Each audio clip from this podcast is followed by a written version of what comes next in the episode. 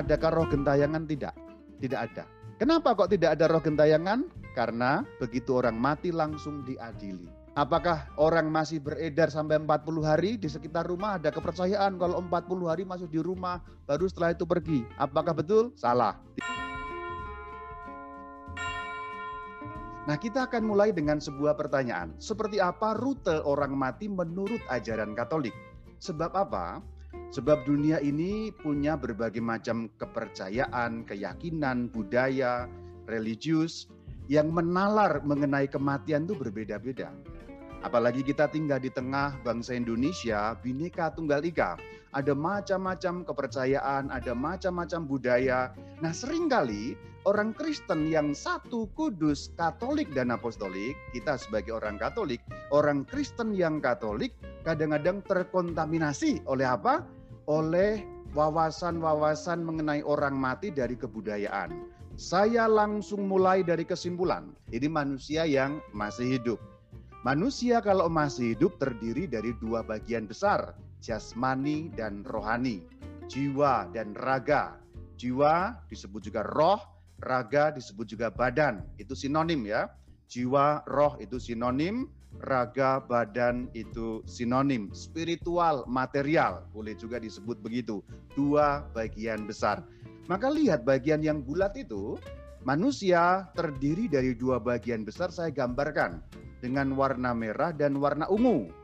Warna ungunya tipis karena itu menggambarkan sesuatu yang boleh dikatakan tidak kelihatan yaitu roh manusia. Pada suatu titik kehidupan kita, kita semua akan mengalami kematian. Semua dari kita akan mati. Belum pernah ada manusia tidak mati. Semua mati. Nah, ketika manusia mati, kemudian dua bagian besar itu dipisahkan. Jiwa dan raga itu dipisahkan. Yang spiritual dan yang material itu dipisahkan. Pisahnya jiwa dan raga itu mati. Pisahnya roh dan badan itu adalah kematian. Pada saat orang mati, apa yang terjadi pada raga? Raga tidak lagi dapat bertumbuh atau dapat bertahan karena aliran darah mati, detak jantung mati, otak pun batang otak semuanya mati. Jadi raga lalu menjadi sifatnya hanya material belaka, tidak lagi organik, tidak lagi hidup. Maka yang terjadi adalah busuk. Itulah yang terjadi saudara-saudari pelan pelan pelan makin lama makin banyak dan makin busuk. Itu yang terjadi pada raganya. Kemudian jiwanya, apa yang terjadi pada jiwa saudara-saudari? Nah inilah, setelah pisah raganya bosok atau busuk, jiwa atau rohnya masuk kepada pengadilan ilahi yang namanya pengadilan pribadi. Nah, pada saat pengadilan pribadi ini yang diadili itu jiwanya. Raganya tidak diadili sebab apa? Sebab raganya ada di tanah, ada di kuburan, atau ditenggelamkan di laut kalau orangnya dikremasi. Yang memasuki pengadilan Tuhan, yang sebutannya adalah pengadilan pribadi, itu adalah jiwanya, rohnya, roh atau jiwanya. Itu kemudian masuk pada pengadilan pribadi. Saya beri nomor satu karena ini adalah pengadilan yang pertama karena apa? Karena menurut Alkitab, menurut tradisi suci gereja, dan kemudian disimpulkan dalam magisterium atau pengajaran gereja, ternyata orang mati itu mengalami dua kali pengadilan. Ini pengadilan yang pertama. Pengadilan nomor satu namanya pengadilan pribadi. Ada dua keputusan penting. Jadi setiap jiwa yang mati diadili langsung diputuskan isi keputusannya ada dua. Maka saya gambarkan dengan dua cabang, satu ke atas, satu ke bawah. Artinya ada dua keputusan. Jiwa, suatu jiwa, ada yang kemudian diadili dan ternyata hasil pengadilan itu memutuskan bahwa dia masuk surga. Jadi pada saat orang mati, detik itu juga katakanlah begitu, diadili dan ada yang kemudian masuk surga. Ada yang kemudian masuk surga tetapi harus menanti. Itu namanya purgatori atau api penyucian. Perhatikan bahwa saya menggambarkan surga dan purgatori itu nempel untuk memberi gambaran kepada kita, silakan bagian atas. Jadi begitu diadili ada yang langsung masuk surga, ini langsung ya, Misalnya orang suci, orang kudus, santo santa langsung kemudian masuk surga. Tetapi ada juga yang diputuskan masuk surga tetapi harus pending, ditunggu. Itu namanya purgatori. Jadi dalam bahasa Jepang atau bahasa jelas dan gampang, purgatori atau purgatorium atau api penyucian itu sebenarnya surga yang tertunda. Ini bahasa gampangnya. Saya tidak akan menjelaskan dengan bahasa teologis dulu supaya Anda mengerti duduk perkaranya lebih dahulu. Purgatorium tidak lain adalah surga yang tertunda karena apa? Karena masih ada beberapa dosa yang harus dibersihkan atau siksa dosa yang harus dibersihkan. Pendek kata, orang-orang yang masuk purgatori sudah jelas masuk surga. Perhatikan, saya ulangi Orang-orang yang masuk purgatori sudah jelas masuk surga, hanya masih perlu mengalami penyucian atau pemurnian. Jadi purgatori itu bukan terpisah dari surga, ini bahasa gampangnya, itu menyatu dengan surga, empernya surga. Orang membersihkan diri dulu, orang dibersihkan dulu supaya nanti pas, pantas masuk surga. Itu namanya purgatori. Ada jiwa yang lain karena begitu jahatnya tidak melakukan kehendak Tuhan, melawan Tuhan, menghujat Tuhan, menolak pengampunannya, kemudian jiwa yang lain itu masuk neraka. Nah, berarti ada dua keputusan yaitu surga dan neraka. Namun khusus untuk keputusan masuk surga ada yang tidak langsung alias tertunda yaitu purgatori. Tetapi pada dasarnya hanya ada dua keputusan yaitu surga atau neraka. Karena sekali lagi saya katakan, orang yang masuk purgatori atau jiwa yang berada di purgatori sudah pasti masuk surga. Diputuskan masuk surga, diadili, hasil pengadilannya itu fornisnya surga. Tetapi bersihkan dulu karena masih ada dosa atau siksa dosa yang perlu dibereskan alias dimurnikan.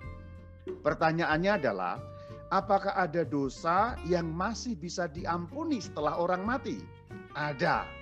Jawabannya ada. Kata siapa? Kata Alkitab. Jelas sekali Alkitab mengatakan bahwa ada jenis dosa tertentu yang dapat diampuni setelah kematian.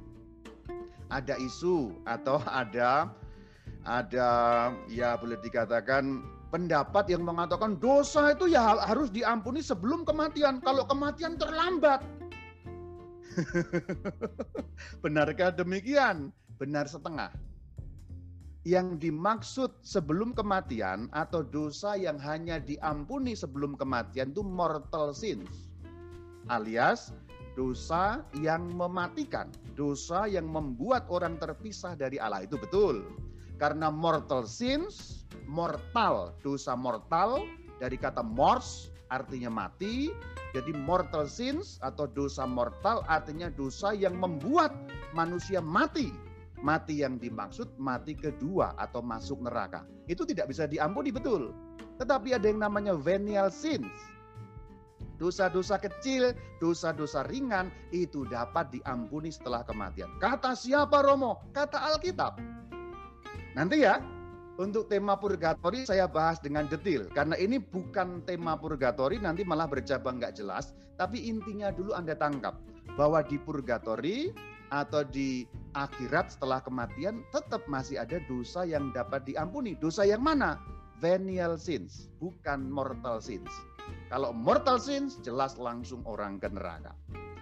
Dan ini catatan untuk semuanya adalah pengadilan pertama atau pengadilan pribadi atau pengadilan khusus ini keputusannya final. Jadi silakan Anda melihat saudara-saudari bahwa pada saat orang meninggal jiwanya diadili langsung jelas surga atau neraka, keputusan itu bersifat final. Artinya apa? Artinya tidak dapat berpindah. Orang yang di neraka tidak dapat ke surga, orang yang di surga tidak dapat ke neraka. Sekali diputuskan orang masuk surga, dia di surga kekal. Sekali orang diputuskan masuk neraka, dia berada di neraka kekal. Loh, purgatori bagaimana Romo? Loh, itu kan surga keputusannya. Final, hanya perlu dibersihkan. Jadi jangan bingung ya, kenapa kok ada purgatori di situ? Itu jelas surga. Orang di purgatori sudah jelas masuk surga dan itu final. Final artinya dari kata finish ya, finita, habis, penghabisan, selesai. Keputusannya tidak mungkin dianulir, tidak mungkin ada perbedaan keputusan. Berarti saudara-saudari sampai di sini kita sudah tahu rute orang-orang mati.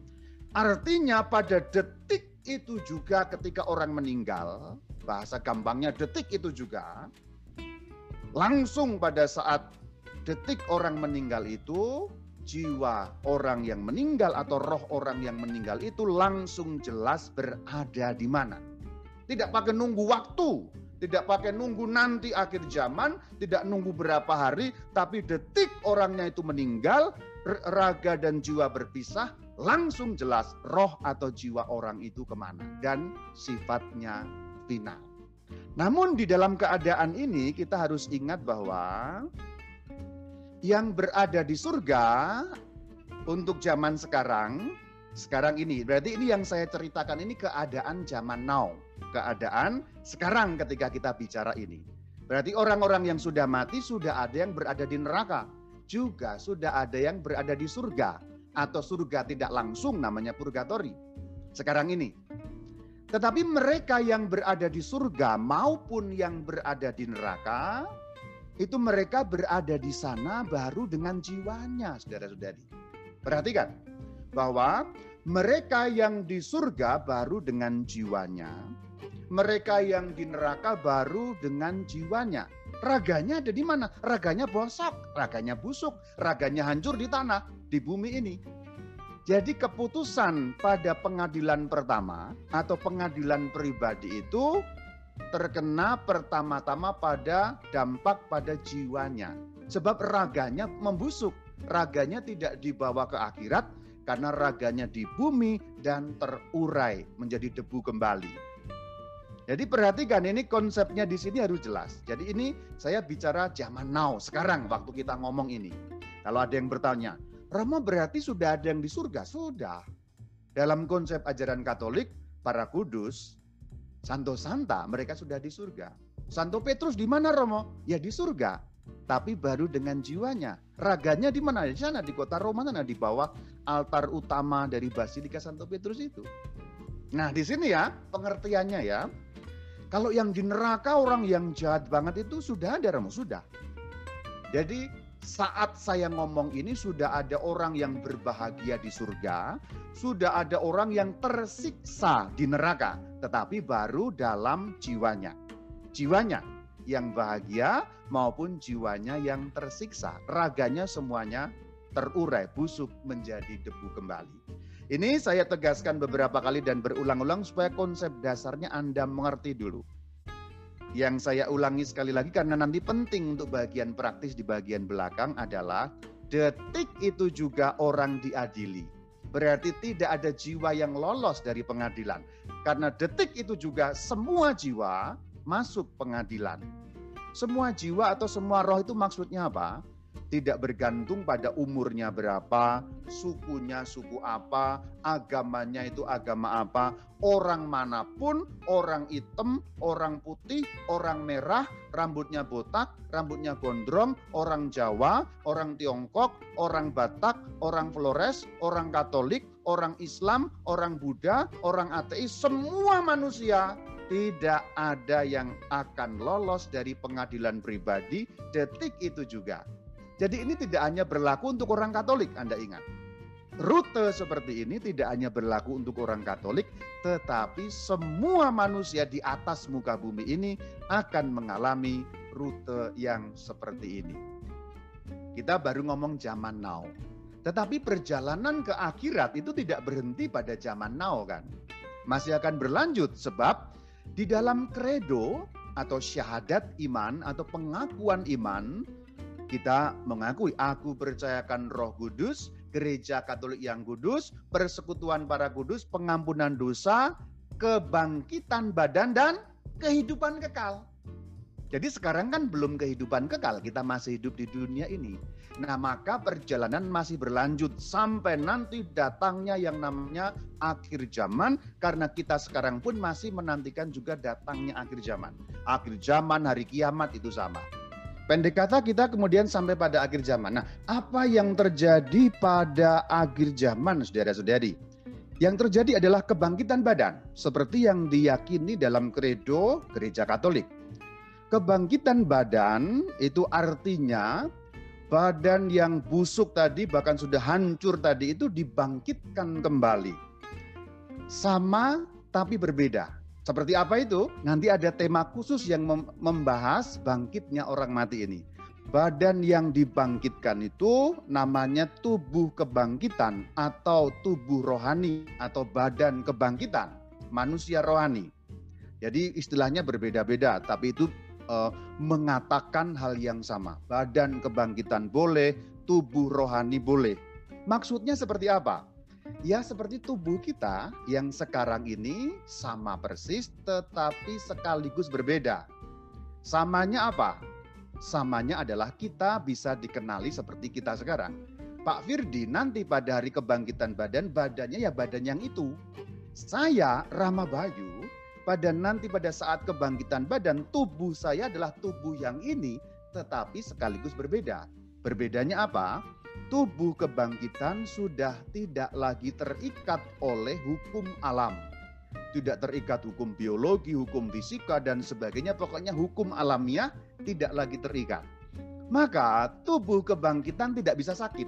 Tubuh kebangkitan tidak bisa mati lagi karena tubuh rohani tidak terikat oleh hukum duniawi. Dan nanti ibu-ibu jangan khawatir, tubuh kebangkitan itu tidak bisa keriput. Tenang. Loh kok ya beneran Romo? Nggak bisa keriput? Bener. Kenapa kok nggak bisa keriput? Karena keriput itu adalah hukum alam. Karena kolagen-kolagen atau jaringan-jaringan yang mengikat ini makin kendor. Itu kan hukum alam, hukum biologi. Maka tubuh kebangkitan ibu-ibu tidak mengenal kata keriput. Tidak ada keriput nanti pada tubuh kebangkitan. Bapak-bapak, tidak ada rambut putih, tidak ada rambut rontok, tidak ada rambut botak, tenang saja. Nanti di, di bagian yang keempat akan kita bahas. Karena sekarang temanya bukan tubuh kebangkitan, kita abaikan tema itu. Pendek kata, badannya dibangunkan kembali, sama sekaligus berbeda. Samanya orangnya yang ini juga, bedanya tidak terikat hukum alam dunia. Maka tidak mungkin mati lagi Makanya disebut tubuh rohani karena tidak mungkin mengalami kematian. Jiwanya tadi di mana? Sudah jelas ya, kita harus ingat bahwa di bagian pertama tadi jiwanya tetap hidup, entah di surga, entah di neraka, jelas. Nah, pada akhir zaman, jiwa yang masih hidup, jiwa atau roh yang masih hidup itu, dan badan kebangkitan dipersatukan kembali, lalu menjadi manusia kebangkitan. Saya gambarkan dengan berbeda saudara-saudari. Perhatikan sebelah kiri paling kiri itu manusia jasmani tadi itu. Manusia kita sekarang itu paling kiri. Merah lingkarannya saya beri warna dengan ungu. Itu melambangkan manusia yang bisa mati. Sekarang paling kanan. Itu yang namanya manusia kebangkitan, manusia dengan tubuh rohani. Lingkaran di luarnya saya beri warna oranye atau krem untuk menggambarkan itu berbeda. Sama sekaligus berbeda ada persamaannya sekaligus ada perbedaannya karena tubuh yang dipakai nanti pada saat kebangkitan tubuh yang ini tetapi sekaligus tubuh yang berbeda total karena tidak mungkin mati lagi, tidak terkena sakit penyakit.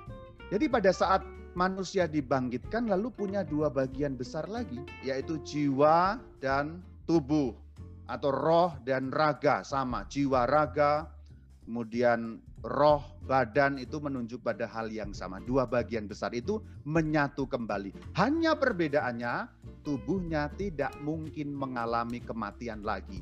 Tubuhnya tidak akan membusuk lagi. Tubuhnya kekal dipakai selama-lamanya. Gitu ya. Itulah yang terjadi pada nanti akhir zaman atau hari kiamat kedatangan Sang Kristus yang kedua. Kemudian apa yang terjadi setelah dibangkitkan? Berarti yang dibangkitkan yang ada di mana Romo? Yang di surga atau yang di neraka Romo? Dua-duanya. semua jiwa dibangkitkan, semua manusia tidak terkecuali dibangkitkan. Berarti jiwa-jiwa di neraka dipertemukan kembali dengan tubuhnya, jiwa-jiwa di surga dipertemukan kembali dengan tubuhnya. Ingat purgatori itu surga ya. Kalau saya ngomong surga mencakup yang purgatori dengan demikian. Artinya semua jiwa entah di surga entah di neraka dibangkitkan semuanya. Untuk apa? Nah, manusia yang sudah dibangkitkan kemudian untuk diapakan? Lihat bahwa untuk diadili lagi. Berarti ini ada dua kali pengadilan. Inilah pengadilan yang kedua yang disebut pengadilan terakhir. Disebut terakhir karena setelah itu tidak ada pengadilan lain lagi. Jadi sebenarnya kalau kita membaca Alkitab dengan sungguh-sungguh dan teliti, sangat jelas dikatakan ada dua kali pengadilan, yaitu pengadilan pribadi dan pengadilan terakhir. Pada saat pengadilan pribadi, manusia diadili hanya jiwanya saja.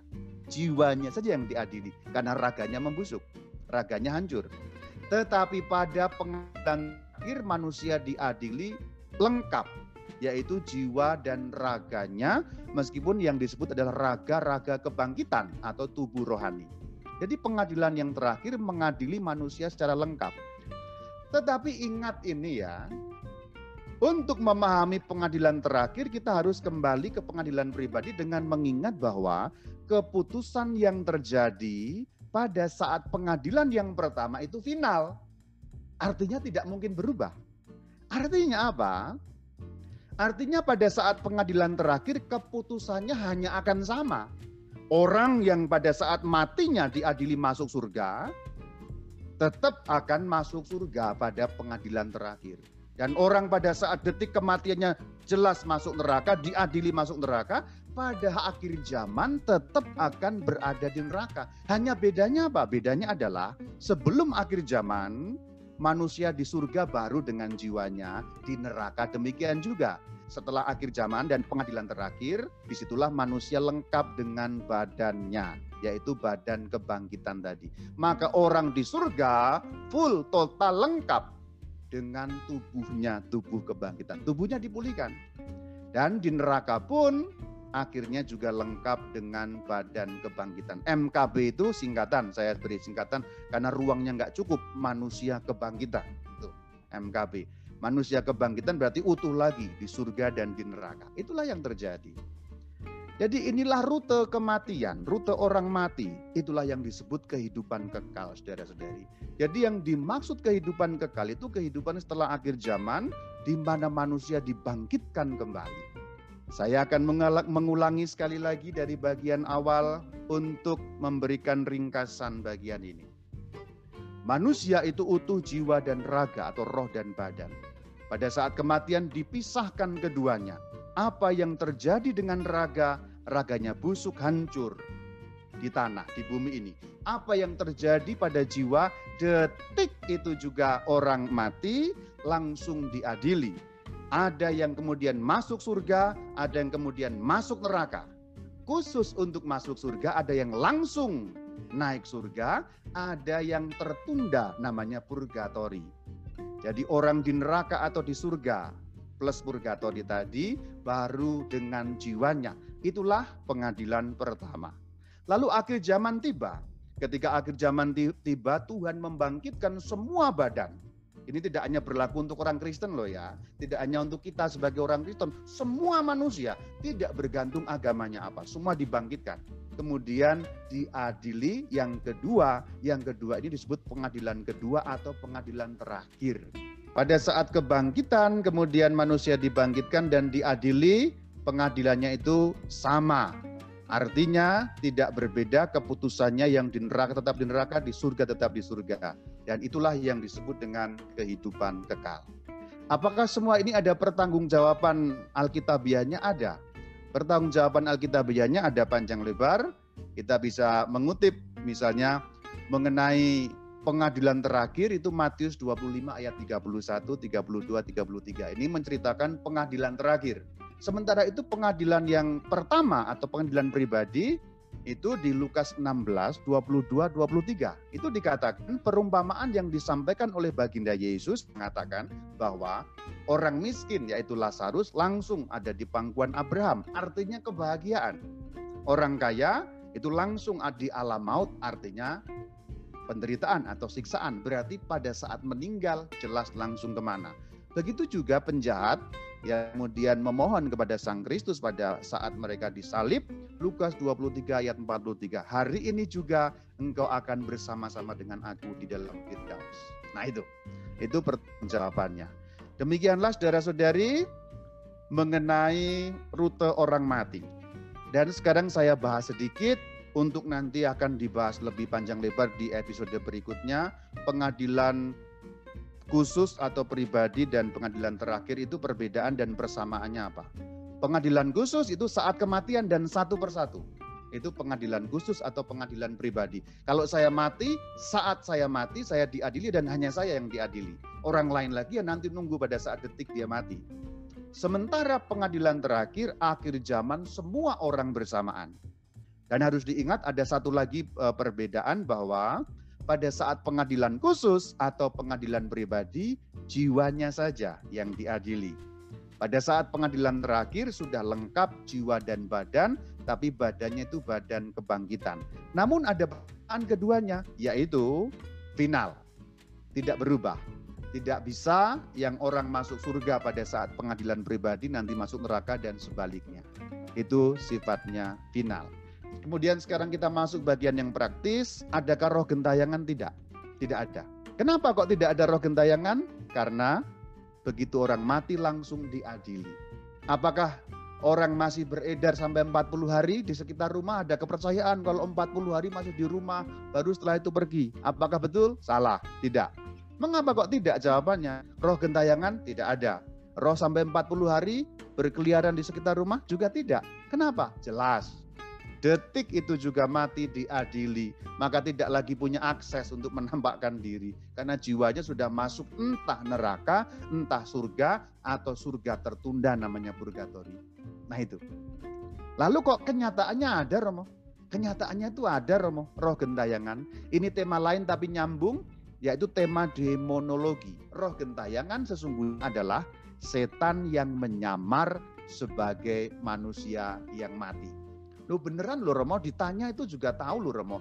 Hal-hal yang rahasia betul karena setan banyak tahu masa depan yang jauh pun setan tahu.